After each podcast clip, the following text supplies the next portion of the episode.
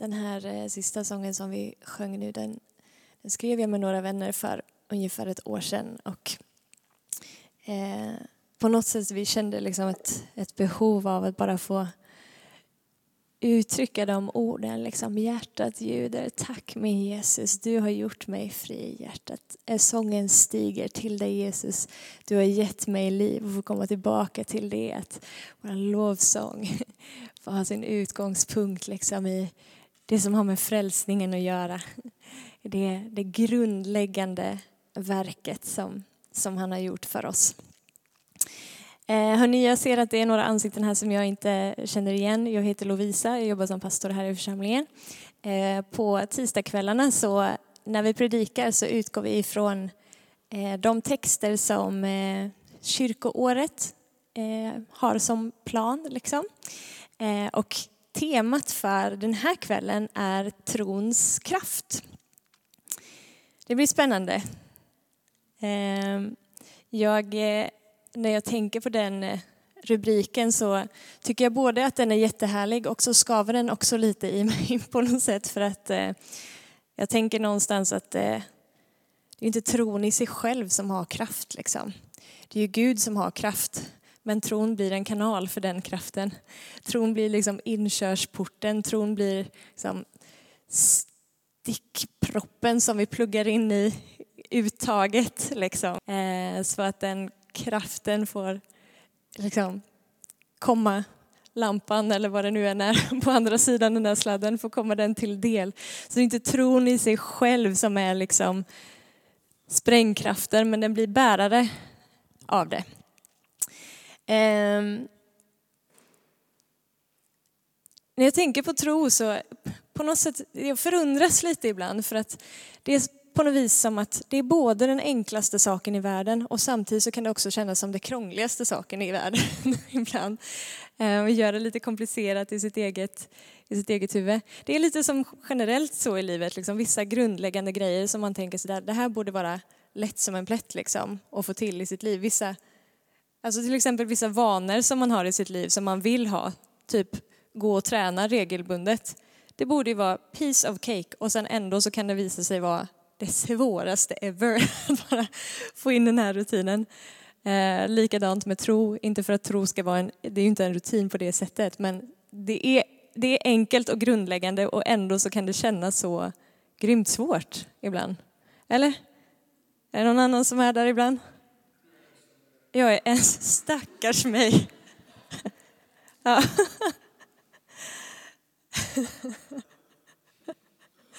Jakob var inne och pratade lite på slår i inledningen. Jag tror ibland att det som, det som ställer till det för oss när vi, när vi upplever att tro är komplicerat eller när vi upplever att tro är svårt, det är för att vi förväntar oss att tro ska vara en känsla. Eh, och alltså tron är ju inte antikänslor i den bemärkelsen. Tro involverar liksom, och inbegriper hela den mänskliga varelsen med, med alla våra sinnen på något sätt. Men tro är ju inte, har ju inte sin botten i en känsla. Känslor är ju inte substansen för våran tro. Liksom. Det finns ju mycket djupare substans än så. Men vi vill väldigt gärna att tro ska vara en känsla. Och så säger vi att ja, men jag, jag har inte tro för det där, för jag, jag känner inte tro. Det känns inte som att det är så. Det känns inte som att det här är sant. Så därför så kan jag liksom inte lita på det riktigt. Det där krånglar ju till det för oss alldeles väldans mycket, eller hur? Eh, det typen av resonemang. Vi lever ju på något sätt i en kultur där hela samhället är liksom förespråkande av känslor. Du är vad du känner dig. Och du kan vara precis det som du känner att, att du vill vara. Och vi matas med liksom, det ska vara snabba resultat och upplevelser och hitan och ditan. Och så får hela det typen av tänkandet in i vårt liv med Gud. Och så bara, om det inte känns rätt, då kan det inte vara rätt. Om det inte känns sant, då kan det inte vara sant. Och så blir vi bara jättefrustrerande. Men i Guds rike så finns det liksom en omvänd logik på något sätt. Där, där vi kan liksom välja först att tro och sen följer känslorna efter. Det är inte känslorna som ska leda och tron följa efter utan det får vara tron som leder och känslorna följer efter. Känslorna är ju fantastiska tjänare men ganska usla herrar. Eh, och jag vill att mina känslor ska böja sig under min tro, alltså det som min ande vet är sant. Det är inte min ande eller Guds ord som ska böja sig under mina känslor och vad, och vad mitt sinnestillstånd för tillfället säger. Liksom. Utan det är vad min, sinnes, min sinnesstämning och det som mina känslor för tillfället säger, det får böja sina knän för det här. För det här är substansen för min tro. Guds karaktär, Guds, Guds person, det är substansen för min tro, inte mina känslor. Så jag tror att, att lära sig den ekvationen på något sätt är det som är resan för oss troende in i mognad på något vis. Där vi inte är känslostyrda i våra, i våra trosliv. Utan där vi lär oss att böja oss först och främst säger, vi lär oss att böja oss under vår ande. För min ande vet vad som är sant. Jag böjer mig för det snarare än för vad jag för tillfället känner. Och det är därför vi kan göra sådana här saker som vi började med här nu. Vi kan lovsjunga liksom, trots att för tillfället så känner jag kanske inte för att göra det. Jag kommer hit den här kvällen och jag är astrött. Det finns ju ingenting i min kropp som känner för att stå här och lyfta mina händer. Liksom. Men jag tänker inte böja mig för vad, vad min liksom, tillfälliga trötthet säger eller vad min tillfälliga liksom, oinspiration säger. Jag vet att det här är sant så därför så väljer jag att agera utifrån det här. Och mina känslor får liksom följa efter. I can act my way into feeling ska vi läsa mm, dagens evangelietext som är från Markus kapitel 2.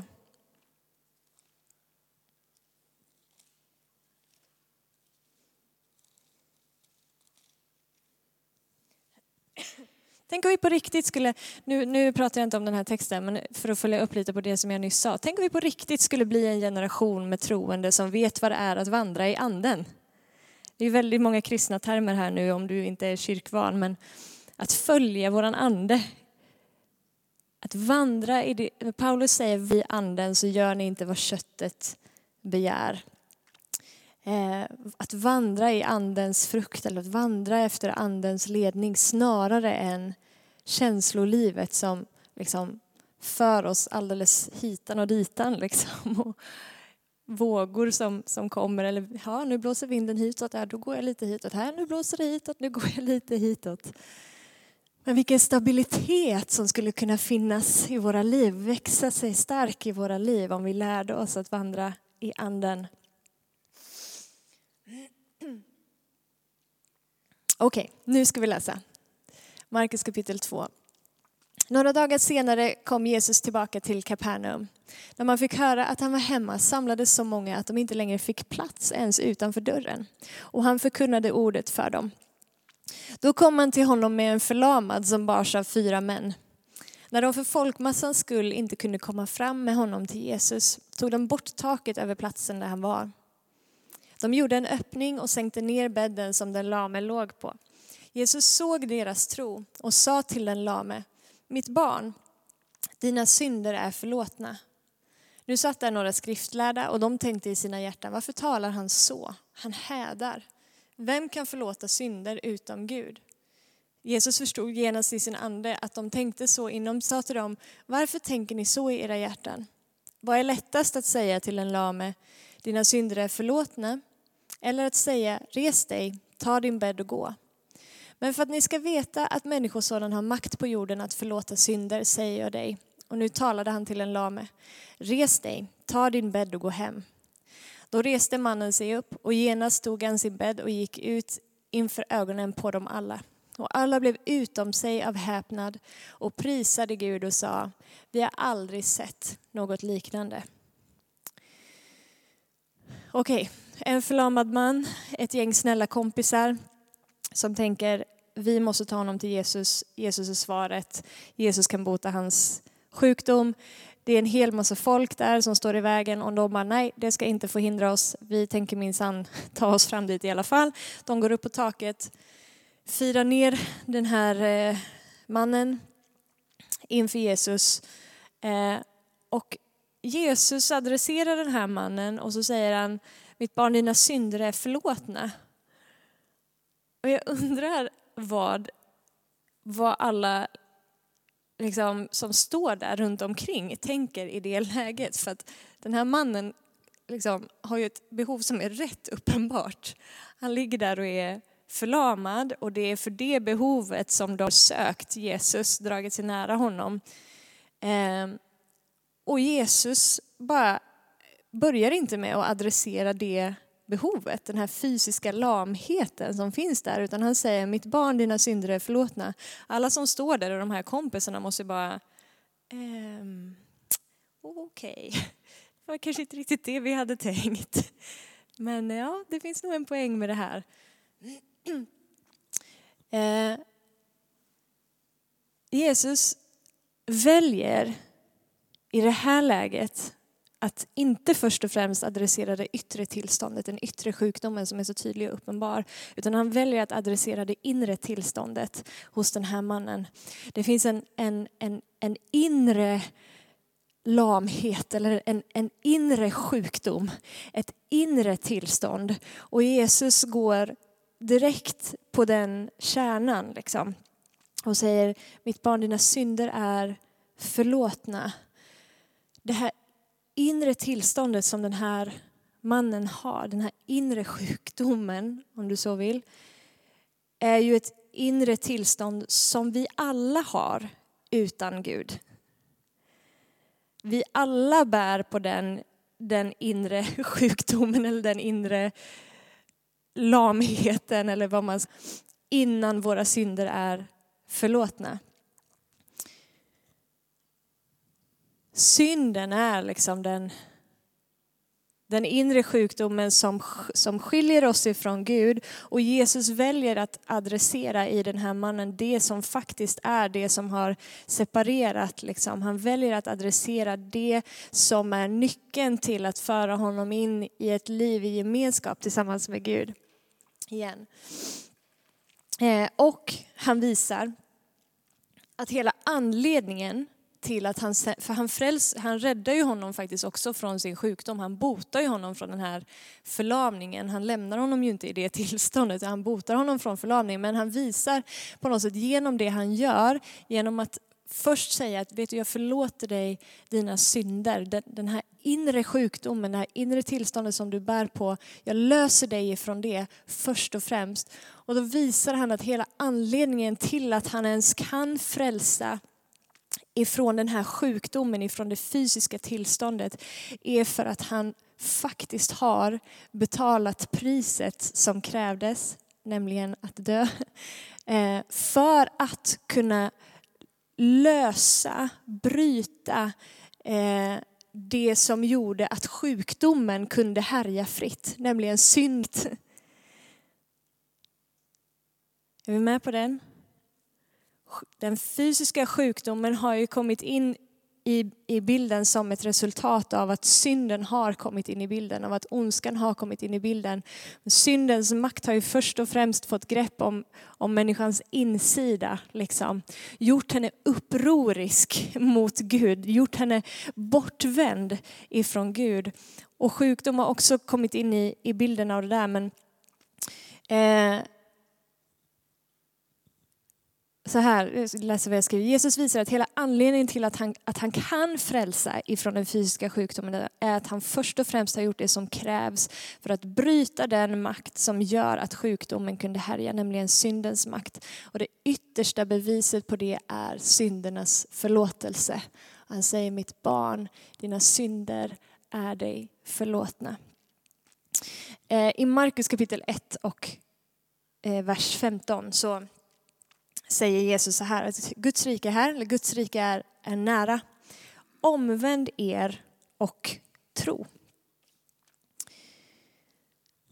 Det är som att han säger att hela, hela inkörsporten för ett liv i Guds rike är genom omvändelse de två hänger ihop på något vis. De kommer i, i ett och samma andetag. Vi pratar alltså, rubriken fortfarande för den här dagen är trons kraft. Det är därför jag nu pratar om omvändelse och tro. De två kommer i samma, i samma andetag. De är inkörsporten för ett liv i, i Guds rike. Och hur kan vi göra det? Hur kan vi omvända oss och tro? Omvändelse och tro är inte en uppgift som vi har som kristna, men det är en gåva som vi får ifrån Gud. Vi skulle inte kunna omvända oss och tro om det inte vore så att Gud först hade verkat på våra hjärtan. För att i liksom det syndiga tillståndet, den upproriskheten som kom in i människan, som gav mig det inre tillståndet, så är jag bortvänd ifrån Gud. Jag vill gå min egen väg, jag vill vara min egen Herre, jag vill inte böja mig under vad han säger. Jag tänker inte underordna mig honom. Men Gud verkar med sin ande över våra liv och gör det möjligt för oss att omvända oss och tro. Och varför vi kan omvända oss och tro var ju för att han först vände sig till oss. Han vände sig först till den här lame mannen. Det var ju inte först och främst, nu var ju det hans kompisar som hade liksom dratt dit honom till Jesus. Han, han kunde inte direkt springa därifrån i protest. Liksom. Han var ju där oavsett han ville eller inte på något sätt. Men Jesus vände ju sig till honom först. Han vänder sig till syndaren. Likadant med dig och mig. Han vänder sig till oss. Och därför blir det möjligt för oss att också vända oss till honom. Vad är omvändelse för någonting? Det är ju att byta, byta riktning. Liksom. Jag har gått åt det här hållet i mitt syndiga tillstånd. Jag var på väg en, en helt annan väg än än den som Gud hade för mitt liv. Det här är min vilja, det här är mitt rike, jag bygger det som är bäst för mig, mitt och mina och mitt ego och jag ska liksom förverkliga mig själv här och allt, allt och alla kretsar kring mig och ska tjäna mig och liksom uppfylla mig och mina behov. på väg bort ifrån Gud. Det är liksom det som var i min natur innan. Men Gud vände sig till mig, verkar med sin nåd över mitt liv. Tack vare det som han har gjort på korset och brutit den där syndens makt liksom, som, som höll mig fången. Helt plötsligt så blir det, när han verkar på mitt liv, så blir det möjligt för mig att välja en annan väg. Det blir möjligt för mig att faktiskt vända om, att helt och hållet byta riktning, liksom, att ändra mitt sätt att tänka. Från att det här vill jag, det här, da, da, da, da, det här bestämmer jag är sant och det som jag känner, det är det som är sant. Till att bara, okej, okay, det som Gud säger, det är det som är sant. Nu går jag åt det här hållet. Jag jag vänder om från att ha satt min tillit till mig själv och min egen förmåga och min egen styrka och min egen kunskap och min egen erfarenhet till att sätta min tro till honom. Jag omvänder mig och tror. Jag flyttar liksom tyngdpunkten för min tillit och lägger den på honom och i hans händer. Jag förlitar mig inte på mitt eget förstånd utan jag förtröstar på Gud av hela mitt hjärta.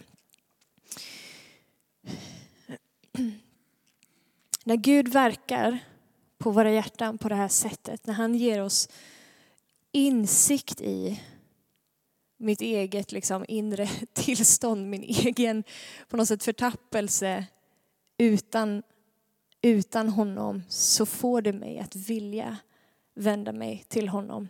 För jag inser precis lika lite som den här lame mannen kunde rädda sig själv, varken från sin Alltså vi fatt, det är ju lätt för oss att fatta att ingen kan rädda sig själv från en fysisk förlamning. Liksom. Om du är totalförlamad, då är du totalförlamad. Liksom inte bara bota dig själv ifrån det. Samma sak gäller med vårt eget inre tillstånd. Jag kan inte bota mitt eget hjärtas lamhet, mitt eget hjärtas upproriskhet. Jag kan inte frälsa mig själv. Jag kan inte liksom ta mig samman och bli, liksom, ta mig själv i kragen och, och rycka upp mig och sen så bara, ja, nu, nu är jag fri. Det går inte. Jag behöver en frälsare. Jag behöver att Jesus gör det för mig. Och när hans nåd verkar över mitt liv liksom, så, så får jag den insikten att tjena, jag kan inte frälsa mig själv. Jag kan inte rädda mig själv. Men jag vänder mig till han som kan. Till han som faktiskt har gjort det möjligt. Till han som på riktigt var villig att gå hela resan och gå igenom lidande och till och med död för att kunna lossa mig ifrån det som band mig, ifrån syndens slaveri, ifrån syndens makt, ifrån syndens boja, syndens grepp, syndens ok. Han bröt det där på korset. Uppstod till nytt liv för att kunna igen ge mig nytt liv. Jesus har betalat priset för att vi skulle kunna bli lösta från vårt hårda hjärta, från den här upproriskheten, från otron och kunna ta emot det liv som han ger och leva ett liv i tro. Okej, okay, så mitt synd, syndiga tillstånd liksom var ett livskhet mot Gud, det var ett liv i otro. Tack vare att Jesus gjorde det han gjorde så är det nu möjligt för mig att leva ett liv i tro. Och jag får ta emot det som en gåva snarare än någonting som bara, kom igen nu Lovisa, tro. tro nu för 17 He gives it to you. Han, han, han betalade allt för att du skulle kunna få det, för att du skulle kunna ta emot det. Tron är därmed ingenting som du kan prestera fram eller liksom pressa fram ur ditt system. Men han, han, det är som att han står där med gåvan i sin hand liksom och liksom vill bara trycka in den i ditt hjärta nästan och bara här vill du, vill du ta emot det här. Vill du vända om ifrån otro? Vill du vända om ifrån upproriskheten och välja att tro? Du kan få ta emot det här livet i tro. Vill du låta mig föda den tron i ditt hjärta? För jag vill göra det för dig. Gud vände sig inte bort ifrån den här lame mannen och han vände sig inte bort ifrån dig. Han vände sig till dig och därför har du också möjlighet att vända dig till honom och inte från honom.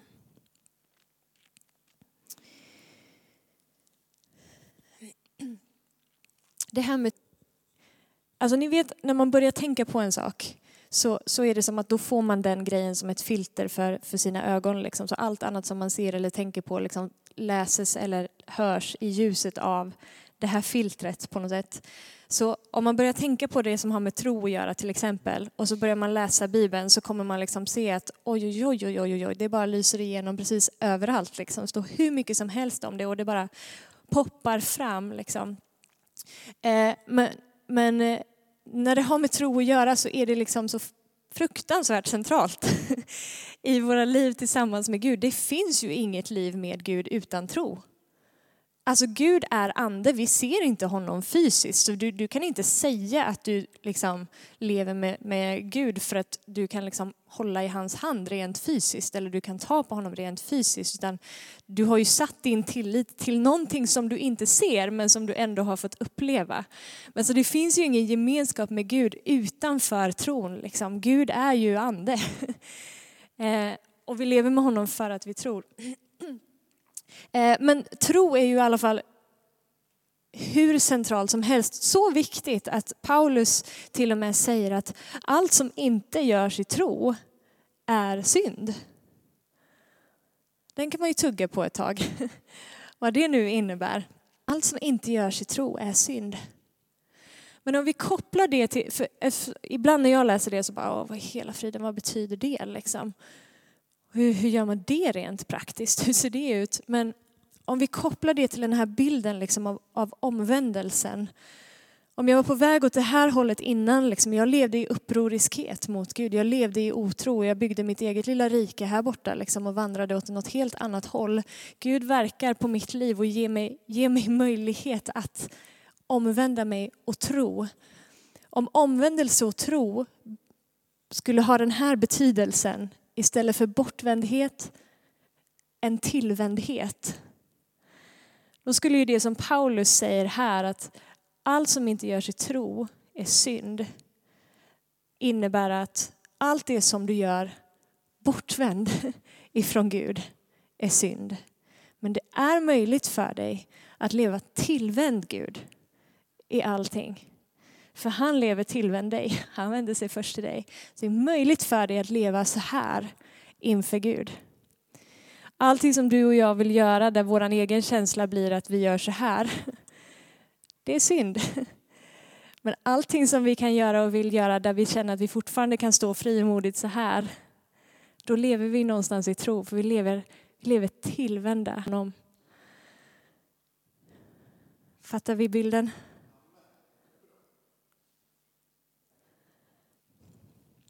Tro är en central grej i alla fall.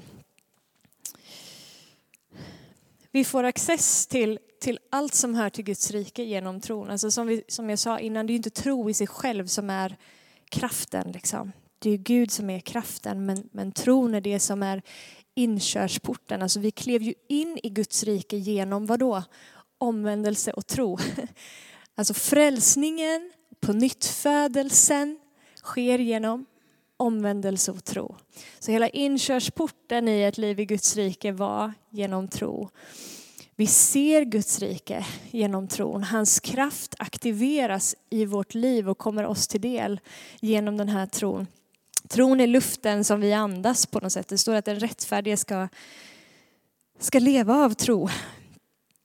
Det är som att det som, det som tillhör Gud och det som tillhör hans rike liksom löses ut i våra liv genom tron. Det är som att tron är både valutan och färdmedlet på något sätt i Guds rike.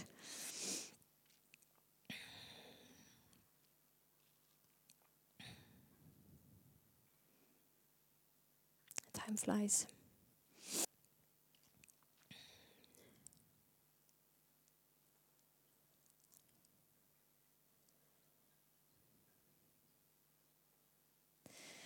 Jesus är trons upphovsman och fullkomnare. Det är han som står i centrum för allt det här. Det var ju genom att han, att han är den han är och genom att han gjorde det som han gjorde, genom att han vandrade den vandring som han gjorde här på jorden och mötte allt det han mötte och hanterade det på det sätt han hanterade. Och genom att han liksom var villig att följa hela resan, att löpa hela linan ut och faktiskt gå i döden. Och därmed bryta liksom syndens makt som har skapat den här upproriskheten i dig och mig. Det som har skapat det här hjärtats hårdhet. Det är för att han gjorde det som det är möjligt för dig och mig att omvända oss och tro. Därför är han trons upphovsman. Utan att han har gjort det som han har gjort så, så kan vi inte tro. Han är trons upphovsman också för att han, han är det levande ordet. Det står att tro kommer genom att vi hör Guds ord.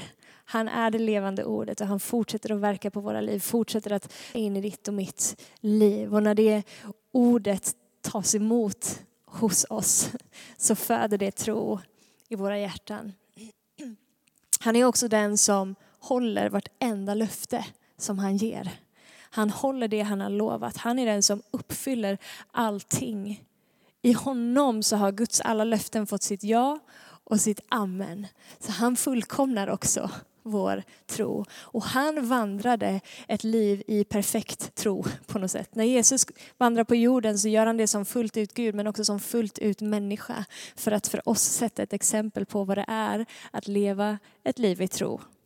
Och för att han levde det, för att han mötte alla prövningar och utmaningar som han gjorde, så är det också möjligt för oss att möta de prövningar och utmaningar som vi möter och fortfarande leva ett liv tillvända Gud. Fortfarande leva ett liv i omvändelse och tro. Han har gjort det möjligt för oss. Så han är centrum av allting. När vi, om du känner att din tro är liten och, och svag liksom, så är inte svaret att vi står och börjar ropa efter Ge mig mera tro, ge mig mera tro, ge mig mera tro. Utan svaret för oss är att söka honom som är trons upphovsman och fullkomnare. Genom att fästa våran blick på honom, genom att igen säga Herre tala in i mitt liv. Igen bara dyka in i det här så att ordet får, får börja liksom andas på min insida och, och föda den där tron och låta det låta det bubbla i dig och mig. Och återigen, liksom, inte låta känslan vara det som styr mitt liv. Min känsla som ibland liksom är mer förankrad i mitt kött än i min ande eh, kommer inte att vilja böja sig under Guds sanning, kommer inte att vilja böja sig under Guds ord. Liksom. Och den, den mänskliga logiken på något sätt strider mot det som är Guds logik. Men tro orienterar sig utifrån det som är Guds logik. Den limmar inte med världens logik. Om man tittar liksom på, om ni har läst Hebreerbrevet 11 någon gång när författaren rabblar upp alla dessa troshjältar och vad de har gjort. Det är saker som är fullständigt ologiska. Vem ställer sig och bygger en ark liksom? mitt på torra land och bygger denna ark i typ hundra år. Liksom, kommer inte en droppe regn. Det är ju liksom inte så här vad man skulle kalla typiskt smart. Men han gjorde det för att Gud hade sagt. Det är så många grejer som rabblas upp här som bara, okej, okay, man fattar att de här människorna har någonstans fått möta motstånd liksom, från andra människor som bara inte förstår. Vad i hela världen pysslar du med egentligen? Men tron orienterar sig utifrån någonting som är det osynliga. Det verkar som att tron har den karaktären liksom att vi, vi kan, vi ser inte men ändå så ser vi. Tron är en övertygelse om det man hoppas på, en visshet om det man inte ser. Men vi kan ändå förnimma det på något sätt i våran i våran ande för att vår ande är förankrad i det som är hans verklighet. Och Guds vilja för oss är att vi ska vara liksom mer förankrade i den verkligheten än det som hör till det här materiella, det som vi kan, det som vi kan ta på eller det som är den här världens logik. Och hans verklighet är inte utifrån mänskligt perspektiv logisk alltid. Men utifrån hans perspektiv så är det jättelogiskt. Och det är när vi är förankrade i det perspektivet och liksom väljer att leva i omvändelse och tro, väljer att böja oss under det som vi också pluggar in i kraften som är hans. Liksom. Vi pluggar in i den kraften som, som strömmar utifrån hans död och hans uppståndelse på något sätt. Och det är den kraften som också ger oss uthålligheten i prövningar som vi möter. För att, att leva ett liv i tro som sagt, det, det innebär liksom att vi stöter på patrull ibland. Vi möter lite motstånd, både utifrån liksom andevärlden men också utifrån människor. Att leva ett liv i tro, det är liksom en ständig källa till kraft. Om vi börjar gå åt det här hållet, då drar vi liksom ur stickproppen ur kontakten också. Det är därför vi vill gå åt det här hållet, för då pluggar vi in den där stickproppen igen, liksom, så kraften får... Den här lampan kan lysa igen. Amen.